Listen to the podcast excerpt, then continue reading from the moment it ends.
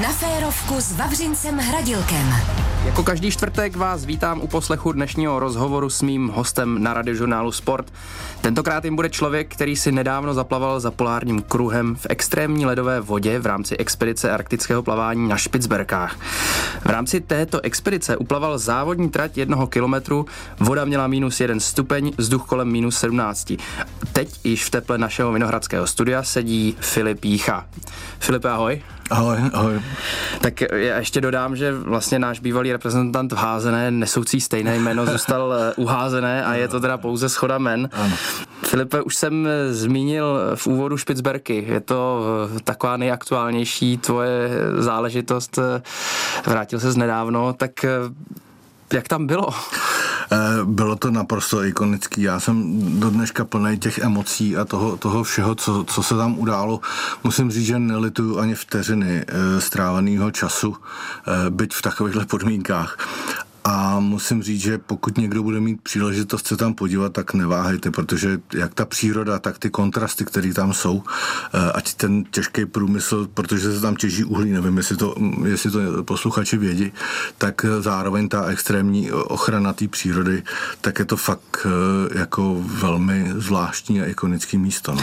Tak dobře, tak to je to obecně o Špicberkách. A teď Kondra, proč, proč si tam byl, jak to vůbec vzniklo? Já už jsem zmínil, že to vlastně bylo v rámci expedice. Mm. A byl tam i závod. Eh, tak jak, abychom si to trošku utřídili, co jsi tam dělal? Jasně, eh, tak eh, International Ice Swimming Association, což je asociace, která zastřešuje zimní plavání, tak nejenom, že pořádá mistrovství světa v tom zimním plavání, tak čas od času uspořádá, uh, uspořádá nějakou takovouhle šílenou adventuru. A ta poslední byla na Jižním pole, polu a já, když jsem se dozvěděl, že něco takového se chystá na severním, tak jsem, tak jsem neváhal ani vteřinu a zkusil jsem se přihlásit a ono to ku podivu klaplo a i když jsme na to čekali tři roky, protože díky covidu se to neustále odalovalo, tak letos to, letos to klaplo. A co se týče tý, toho plavání tam, tak díky tomu, že to pořádá tato asociace, tak eh, ty tratě jsou měřené, mají maj, maj svoje náležitosti, to znamená ty výkony, které se tam uplavaly, jsou oficiální výkony, eh, jsou zanešený eh, u každého, u každého plavce jako, jako jeho, jeho svým, který, který vlastně by absolvoval by třeba na tom mistrovství světa nebo kdekoliv jinde. A uh, asi vlastně to největší specifikum je samozřejmě podmínka, nebo tak. podmínky, jak je tam, jaký tam panujou. Tak uh, to je, já jsem už taky, zmiňoval jsem tady skoro jako kdybych předpovídal počasí, ale dneska máme asi jiné hodnoty venku, tak voda minus jeden stupeň. No, ta slaná voda ku podivu může jít i do mínusu. My, když jsme, my, když jsme dostávali kusy informace o tom, jak tam bude, tak jsme dostávali info o tom, že by mělo být někde kolem, přes den kolem nuly a voda by měla mít 1-2 stupně, což není něco, co tady zimní plavci neznají. Eh, běžně se tady v těchto těch podmínkách eh, plavou závody, to znamená i ten kilometr, i ten kilometr se v tomhle tom běžně na závodech plave. Nicméně, když jsme přiletěli tam, tak eh, ty podmínky byly úplně jiné. Ty, ty první dny bylo dokonce jako minus dva ta voda a ten vzduch byl v podstatě konstantní, takže, takže to bylo, to bylo rozčarování. Eh, musel jsi nějak změnit eh, přístup k tomu, nebo, bylo, nebo tě to ovlivnilo psychicky? Nebo mě, jak? to, mě to ovlivnilo moc psychicky, Aha. protože i třeba čtyřnásobný olympionik Petr Stojčev e, řekl, že v těchto podmínkách míly plavat nebude. Já jsem si tam původně chtěl jet zaplavat tu míli, protože jako kvalifikační svým člověk musí, než jede na takovouhle, na takovouhle akci, musí vlastně za posledních šest měsíců zaplavat to, co chce plavat tam. Takže já jsem tu míli v českých podmínkách zaplaval ve třech stupních a chtěl jsem se o něco takového pokusit i tam. Akorát, že za A my jsme suchozemci, to moře je úplně jiný level a ta teplota je věc, kterou my tady vlastně, my tady vlastně nikdy jsme nezažili. A ty briefingy, které tam byly s tím doktorem, tak byly dost děsivý. Uh, musím teda říct, že ten doktor byl jako naprostý profík a, a borec. A on říká, hele, vy všichni znáte jeden stupeň, dva stupně, to je všechno OK, ale tady se bavíme úplně o něčem jiném. Jo, a ono potom mu to všechno dalo za pravdu, protože, protože eh, se tam stala jako nepříjemná věc, takže, takže ty podmínky fakt byly úplně jiný, než na co jsme zvyklí. Kolik vlastně tam je plavců, nebo kolik vás tam bylo? Nás tam bylo zhruba 13 eh, plavců plus eh, asi 5 lidí support a plus dalších asi 20 lidí se tam o nás staralo, protože vy vlastně musíte najít lokace, kde se dá plavat. Takže, Proto je to tak expedici, tak, expedičně takže, asi. Takže byly najmutý lodě, byly, musíte mít najmutý uh, stráže proti medvědům, takže, takže tam jsou ozbrojenci různě kolem vás. Teď uh, se jezdilo kolem fjordů, aby se vůbec našlo, kde teda se uh, bude moc nebo nebude moc plavat. Uh, nakonec, nakonec nás ani, ani nepustili do vody kolem těch fjordů, kde by to bylo takový jako hezký, ikonický, protože v té minus dva teplotě bychom nebyli schopní vlastně se dostat zpátky ani na ten malý člun. Jo. Takže ten pořadatel ten test svým zrušil, jelo se zpátky do přístavu a udělal se briefing, včetně těch lidí, kteří tam byli a nakonec se dohodlo, že v rámci bezpečnosti a všeho bude úplně nejjednodušší, když vyklidějí celý molo v tom přístavu. Takže všechny ty lidi zmizely a my jsme vlastně ten test svým i potom následně ten závod plavali přímo v tom přístavu a zaplať pámu za to, protože vlastně ten doktor i, i, i veškerý ten, ten personál na těch člunech eh, chodil s váma po celou tu dobu hmm. toho vašeho plavání, dávali na vás pozor, protože se ukázalo, že to je velmi důležité. 13 plavců si říkal. Hmm na ten support tým je docela málo. A ty už si to tady trošku zmiňoval, ale jak se tam teda dokážeš kvalifikovat? Eh, respektive jedna věc, co jsem pochopil, je kvalifikace a druhá věc nějaká přihláška. Tak eh, popiš prosím tě ten proces eh, toho, toho dostání se na ten závod. To je, to je podle mýho první, první bere, no. takže, takže jakmile, se ta, jakmile se ten event objevil, já jsem se přihlásil a vlastně pak záleží na tom, pak záleží na tom, eh, kolik těch lidí se přihlásí, jestli, jestli naplní celou tu, tuhle tu expediční, eh, jak bych to řekl, tu kapacitu. Mm ale z mých informací bude ještě jeden ten event, takže těch zájemců bylo celá řada. A pak samozřejmě jsou to lidi, kteří musí být, musí být akreditovaný z té branže a už musí mít něco odplaváno, aby, aby je tam někde nelovili. No. Mezi těmi třinácti plavci byli i členové tvý rodiny. Ano, ano, ano. Syn, Syn a manželka. No, no. Tak eh, tady jsem našel, že si myslíš, že, že se dokážete zapsat jako do Guinnessovy knihy rekordů díky no, tomuhle. Je to tak? no, bude to asi funny zápis, ale pravdou je, že jsme byli okamžitě přeměnovaní na Ice Family. A manželka původně měla jet jako support, ale eh, vzhledem k tomu covidu vlastně začala plavat taky, takže už se třetím rokem otužuje. A nejkratší distance, která je vlastně v rámci takovýchhle věcí možná je 250 metrů, takže, takže ona se rozhodla, že zkusí uplavat těch 250 metrů, čímž v podstatě jsme všichni tři uplavali nějakou měřenou vzdálenost mm. a tím pádem jsme familie, která asi jediná plavala za plárním kruhem měřený vzdálenosti. No. A myslíš tam na čas? Ne, ne. Nebo to je, protože ne. jsou to sice distance a je to závod, takže logicky bych si řekl, že... Já bych řekl, že to je závod sám ze sebou. Ono, ono no. vyloženě eh, v takovéhle vodě, třeba Petr Stojčev má kilometr za 13, za 14. Jo. V normálních eh, podmínkách. Tak, on je dálkový plavec, on byl, mm. on byl eh, vlajkonošem na londýnské olympiádě a, a to je plus minus, je to, je to v takovémhle čase. Mm-hmm. Ale eh, ve vodě, která je minus jedna, tak si automaticky musíš připočíst eh, konstituci, to znamená, jak ten člověk vypadá, jak kolik má vnitřního tuku a tr, a tr, jak je rychlý.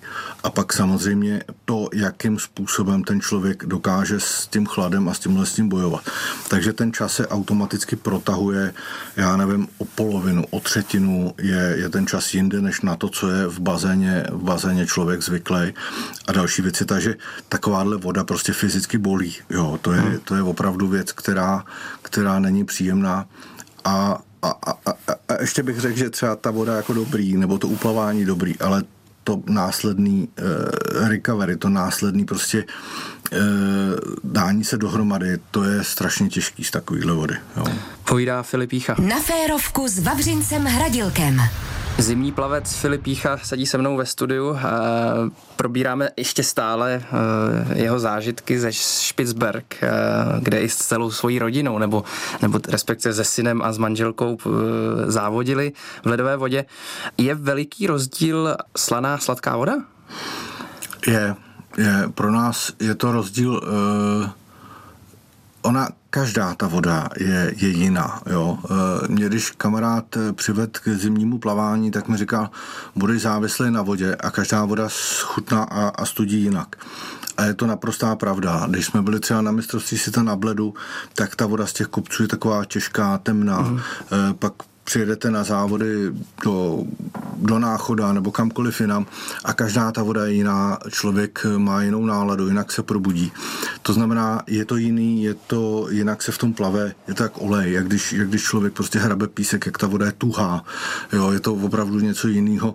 Hlavně, hlavně ta voda vám prostě strašně rychle bere energii. Je to opravdu, je to opravdu, jak když lousknete prstem a, a, a je všechno pryč, co člověk natrénoval. Já se ptám proto, protože logicky, že slaná voda eh, by měla víc nadnášet, tak mm-hmm. jestli i opravdu ta studená voda, jestli to třeba člověk vnímá takhle. Eh. Ano, ano, eh, ale zase, zase je těžší, jo? to mm-hmm. znamená, musí se člověk víc nadřít, aby, aby, aby tou vodou jako, jako něco, něco dokázal. No. Když zůstaneme na Špicberkách, protože mě eh, zajímá vůbec vlastně ta organizace. Ty jsi zmínil, že ten uh, vlastně organizační tým, ten podpůrný tým byl větší než, než no. ten tým těch závodníků. Eh, byla tam vlastně problémy, nebo ne problémy, ale museli jste se chránit před zvěří. Tak eh, jaký je ten zážitek vůbec z toho i mimo ten sport, mimo ten výkon vyloženě? se to samozřejmě míchá i s tím, i s tím že, že má člověk sebou rodinu. Syn, syn chtěl plavat úplně jinou vzdálenost. Já jsem mu to v těchto podmínkách v podstatě zakázal, takže tam došlo ještě k nějakým jako rodinným rozepřím. A ale... ale eh, Idylka rodina. Ano, ano, takže člověk se bojí o tu rodinu, pak vlastně ještě, ještě tam musí, musí něco, něco předvést sám a teď do toho, do toho eh, neustálý informace o tom, tam nechoďte, tam nechoďte, tohle nedělejte, protože tohle eh, teď je blbý období, protože jsou mroži ve vodě jo. A, a, a takovýhle věci, oni jsou docela rychlí a je to, je to jako kus zvířete. Jo. My, no, jsme, my jsme, já jsem, já jsem je viděl ne úplně v bezprostřední blízkosti, ale když jsme byli na těch fjordech, tak oni se různě tak jako vynořují a zanořují a jsou zvědaví, ale jako potkat to ve nechcete, hmm. jo, protože to má takovýhle kly nebo zuby, nebo jak, jak to říct. A, a, a pro nás je to zážitek, který by mě asi utopil, že? Už jenom ten pocit toho zvířete a, a ty medvědi, ten, ten medvěd. Na to asi člověk jako úplně nemyslí, ne? V tu chvíli, kdy se... To asi ne, to asi nemůžete na to myslet. E, trošku ze mě spadla tahle zvířecí nervozita v okamžiku, kdy nám řekli, že to budeme plavat v tom přístavu ale tam jsou zase ptáci, kteří se potápějí. Jo.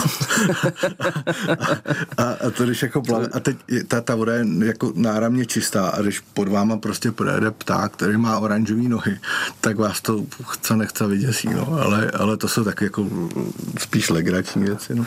By si na vás nesmysli, no teď vlastně mi napadá, jak sídlem. Eh, no, to co je, co je vlastně před takovým výkonem dobrý jako spořádat nebo naopak nespořádat? pořádat?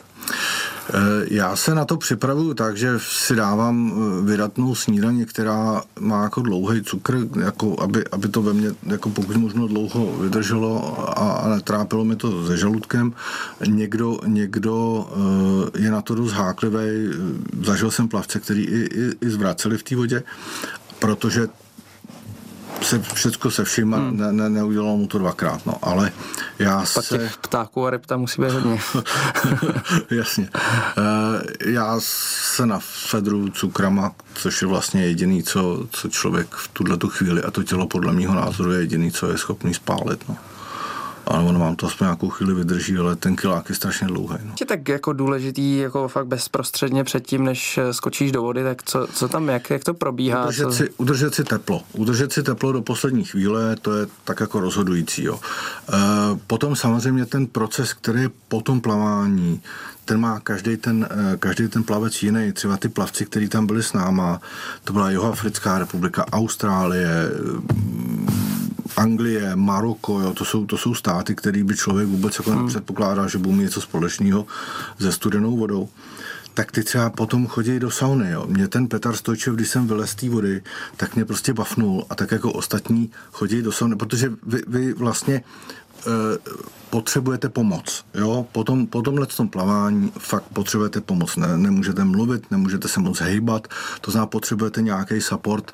E, I, i vlastně v tom, eh, při tom plavání musíte mít někoho, kdo chodí s váma, vy, plus ten doktor a ten člun, aby ten někdo vás znal, aby řekl tomu doktorovi, hele, tohle už jako není normální, mm. tohle už je jako jinak, než na co je zvyklý.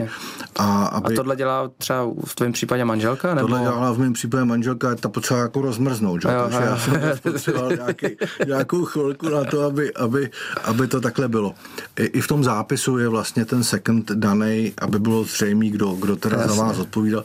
No a pak vás vlastně musí někdo, musí někdo z toho, musí vás líknout, oblíknout, že jo? A, a já pak jsem zvyklý chodit jako, bě, on se řekne běhat, ale aspoň se hejbat fyzicky, Jasně. aby to tělo se začalo Prokryli. zahřívat a oni všichni lezou do té sauny. Takže já, když jsem vylez z té vody, tak ten Petr Stojčev mě chtěl jako pomoct, tak mě bafnul, otáhnul mě do té sauny. A mě se v té sauně začalo dělat blbě. Jo. A ten doktor, zaplať pán Bůh, my jsme si předtím povídali na těch briefingách, na co je kdo zvyklý, uh-huh. potom, potom plavání, tak ten, když mě viděl, jak mě vytáh, no ale to je normálně, když nafukujete pitlík, jo. Takže začnou vám, začnou vám prostě lézt oči z důlků, mně se začalo rozpadat vidění, teď ten doktor na vás mluví, mluví na vás ještě anglicky, protože potřebuje vědět, že jste přítomný, že neupadáte mm. do nějakého mm. šoku a podobně. A teď mě tenhle ten okamžik přišel hrozně dlouhý, eh, než jsem došel do stavu, který vlastně já znám. Jo, a teď nevím, jestli to bylo díky té vodě, anebo jestli to bylo fakt díky té sauně. Protože pro mě to bylo nekonečný. Jo. Hmm. Teď uh, on vás hlídá, že jo, uh, srdce, uh, teď vám ukazuje, jak, jak dejchat, protože ty, ta, ta saturace tou pusou je jiná než tím nosem a teda, teda. Takže prostě takovýhle oči, jak, jak králík. Si představuju těch 13 plavců, jak vylejzají z té vody a no, jsou jako zombíci, co tam tak... víceméně, víceméně v jednom případě to bylo skoro jako na hranici života, ta Marion tam jako, jako fakt jako bojovala, hmm. bojovala o... To byl o, ten případ, si hmm. už někdy v úvodu zmínil, že... Tý francouzsky, no. To hmm. byla A co holčina, se stalo? Ta, tam je, na tom bylo krásně vidět, jak ten, eh, jak ten mozek eh, tě může zabít. Ona opravdu to strašně chtěla. chtěla. 23, byla to, je to mistrině, je to mistrině z Polska, eh, rychlá plavkyně, ale konstitučně je to jako strašně hubená holka, jo. A ona prostě v mocí chtěla plavat míly, my jsme jí to všichni vymlouvali. Ale prostě se rozhodla a, a bohužel zhruba no skoro ke konci e, se stalo to, že, a ten doktor nás na to i upozorňoval při tom briefingu, že v okamžiku, kdy e, kdy to tělísko, který máme v uchu, který je vlastně plný tekutiny, nám e, zmrzne, tak začne dávat chybné informace a, a člověk neví, kde je. Jo, on to nepozná v té vodě, že je dezorientovaný. Ona tím, že byla dezorientovaná, tak v podstatě začala vdechovat, eh, vdechovat tu vodu a, a v, podstatě, v podstatě se začala topit a bylo, bylo v vozovkách point. Tak ten doktor pro ní musel skočit do té vody, vytáhlý a pak vlastně začal, začal ten proces, který byl poměrně dost bouřlivý. No. Neuvěřitelný. V extrémních výkonech v ledové vodě si povídám s Filipem Míchou. Eh, jeden takový extrémní si zažil vlastně eh, ne úplně eh, sám osobně, ale v případě francouzsky, která prakticky odpadla a ty si to nazval tak, že vlastně jí mozek, ten chtíč tohoto doplavat přemohl. Zajímá mě hrozně tenhle moment. Hmm ty sám uh, uvědomuješ si, že se dostaneš do takovéhle fáze, do takového prostě momentu, kdy si řekneš, ne, teď už ne, teď už by to bylo za tou hranou, kde právě dojde k tady těm problémům? Ty si to v té vodě neuvědomíš. Já jsem samozřejmě měl nějakou představu, byl jsem nějakým způsobem namotivovaný, protože musíš, musíš pro tohle se nějakým způsobem i, i psychicky na ten výkon připravit a chtěl jsem tam plavat tu míli. Akorát, že nějaká je tvoje představa, pak přijedeš do těch podmínek a je to všechno úplně jinak. Jo. Tam opravdu ta voda není úplně to rozhodující, co na to má ten vliv, protože decháš minus 15, to znamená to prochlazení je i, i daleko intenzivnější z toho vzduchu.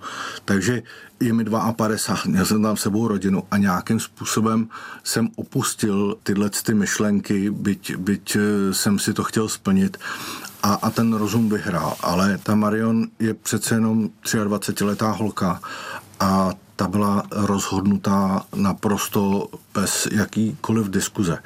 A tam, bylo, tam ten okamžik, kdy, eh, kdy ona lezla do té vody, tak my jsme se fakt všichni báli a věděli jsme, že to nemusí dobře skončit. A ten doktor i sám následně, druhý, třetí den, kdy, kdy se o tom rozpovídal, tak říkal, že těch 50 metrů k těm schůdkům už by znamenalo, že by jsme ji nemuseli taky zachránit. Jo, že vlastně ta motivace toho člověka pro tu danou chvíli může být tak silná, že nekouká napravo, nalevo a, a prostě, prostě do toho jde. No. To je neuvěřitelný. Protože, pardon, třeba ta závodnice, která byla po ní, to byla Němka a ta z té vody vylezla po 12 z těch metrech prostě ta, tam, a byla to samozřejmě starší závodnice a tam vlastně vidíš, jak ten rozum, hmm. jak ten rozum vlastně eh, může tu věc zachránit. Takže tam platí taková jako lidská zkušenost, eh, ne, není to asi hmm. úplně sportovní psychologie, je to a, spíš... A, a bez sporu platí to, že prostě musí být někdo, kdo tě z té vody vytáhne a kdo je schopen usoudit na tom břehu, že ty symptomy a že to, co už se v té vodě děje, je špatně. Když už to nejsi schopen ty sám před tím závodem, tak zaplať pámbu, že tam byl tenhle ten personál, že tam byli tyhle ty lidi, který v podstatě z té vody vytáhli a dali do kupy. Ty jsi e, zmínil, že tě je 52 let, mm. ale začal si plavat poměrně nedávno. No, já vlastně nejsem plavec, jo. Já jsem původem fotbalista a protože mám operovaný úplně všecko, na co se podíváš, tak mě to plavání tak trochu zbylo, jo. A já jsem vlastně začal tuhle tu anabázi sdílet se synem, protože syn, syn hrál závodně tenis. A protože začal růst, tak se mu začaly trhat podkolení šlachy a měl zdravotní problémy, oni mu zakázali se sportem úplně. A já jsem v tu dobu začínal e, s otužováním a chodil jsem s kamarádem jenom si tak jako zaplavat k nám do toho jezírka. Pro, promiň, že ti do toho skáču, e, začal jsi s otužováním e, v té době, kdy to tak nějak začalo být... Ne, ne, 8 let zpátky. 8 let zpátky, to, Ten boom byl až potom. Aha, dobře. Tam jsme chodili dva, musím říct. Jo. My jsme založili facebookovou skupinu, která má dneska 450 jo. lidí a my jsme ji zakládali dva s tím Honzou Bendlem, takže, jo. takže ten boom je tam, je tam znát. Ale on jednou šel se mnou a říká, hele, tati, mě ty kolena člověče jako nebole. Já jsem říkal, no tak pojď zkusit plavání, teď jako na tom nic není. A skoro okolností předseda prvního PKO Tomáš Prokop ho rovnou přihlásil tady do Podolí na nějaký mistrovství republiky v Prsou. A on, on a to bylo už eh, jako otužilecký, jako ve studené To bylo otužilecký, ale on se vlastně musel eh, nejdřív přihlásit do toho oddílu, aby mohl jít.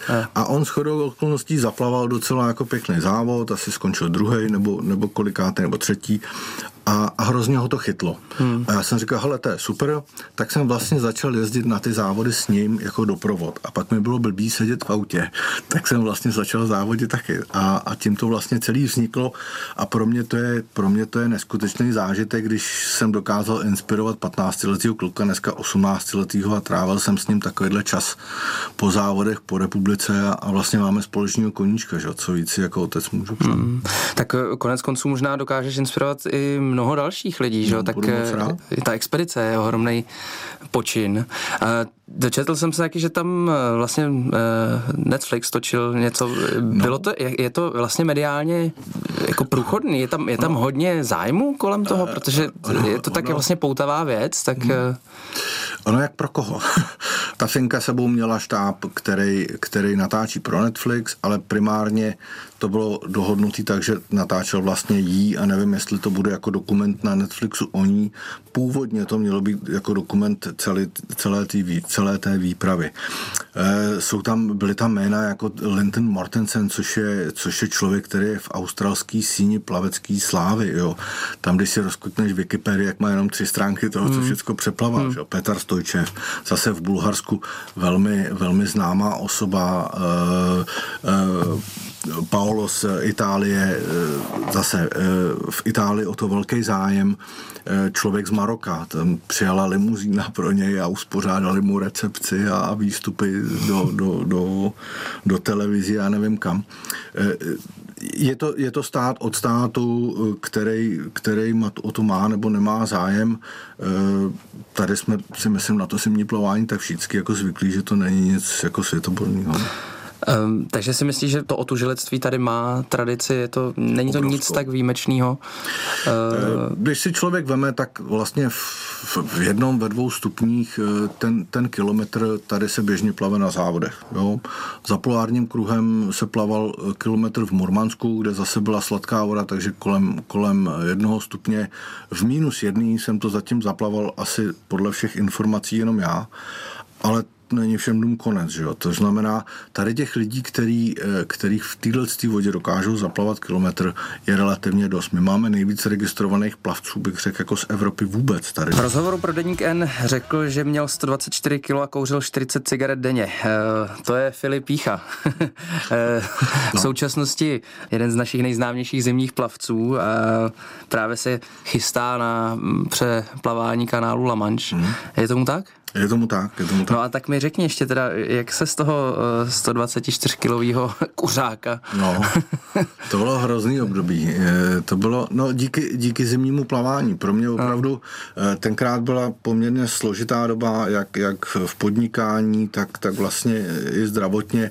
A, a říkal jsem si, že buď musím ten život jako eh, radikálně otočit hlavou zůru, nebo, nebo, to bude, nebo to bude špatný. No. Takže tohle byla moje odpověď a já jsem, já jsem opravdu schodil nějakých 25 kilo, eh, ty cigára, to je, to je zaplať pámbu za mnou všecko a, a začal, jsem, začal jsem tím zimním plaváním a pro mě to byl pro mě to byl obrovský mentální odpočinek. Pro mě ta studená voda je opravdu primárně mentální odpočinek, než, než to všechno další. To jsou pro mě takové jako bonusy. A další věc je ta, že těžko můžete děti nutit, aby šli sportovat a ležet u toho Jasný. na gauči a mít 120 kg, že? Takže, takže když chcete někoho inspirovat, tak jim musíte ukázat, že to jde, že? No. A e, jak často teď plaveš? Plaveš každý den? Uh, snažím se plavat, já, já to moc jako díky těm různým uh, operacím jako nedávám každý hmm. den, ale každý ráno jezdím s klukem do Podolí, 4.30 stáváme a každý ráno jezdíme na tréninky a já trénuji v obden. Jo. Hmm. Včera hmm. jsme třeba plavali kvalifikaci na ten Lamanč na Miladě, což když se plave štafeta, tak musíš být dvě hodiny ve vodě do 16 stupňů hmm. a když chceš plavat solo, tak tam musí být 6 hodin. Takže včera jsme si na Miladě splnili jako poslední kvalifikaci věci. Takže předpokládám solo. Ne, ne, ne, my teď jedeme eh, na štafetu. štafetu. Já vlastně jsem dostal nabídku plavat štafetu se synem, což se zase neodmítá. A uvrtal mě do toho Kuba Valníček, loňský přemožitel kanálu La Manche, který má taky jako uskupení Czexit, který vlastně chce pro Českou republiku převést přes kanál co nejvíc plavců. Takže mm-hmm. za loňský rok se mu povedli, eh, myslím si, že dva lidi, eh, Michal Štengl a Kristýna Dyková a on, nebo on předtím, teď, teď, teď bych kecal. A letos, letos jsou minimálně dvě štafety a syn má na příští rok nahlášený solo. Takže on to bere jakoby přípravu tu štafetu Jasný. a příští rok si to chce dát solo. Takže teď jdeme za měsíc a něco tu štafetu udělat. No.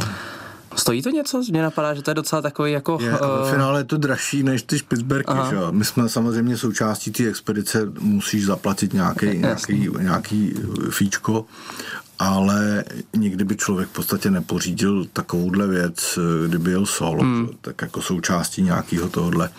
Dneska všechno něco stojí, musím říct, že eh, zaplať pámu za, za, za Kladno a firmy okolo, protože nám, nám poslali a dali nám poměrně hodně peněz, ani jsem to nečekal. Ale ten Lamanč je drahý. Je, je drahý v tom, že eh, říká se, že abys na to byl fyzicky připravený, musíš naplavat 2000 kilometrů ať ve volné vodě nebo, nebo v bazénu, tak je to jedno.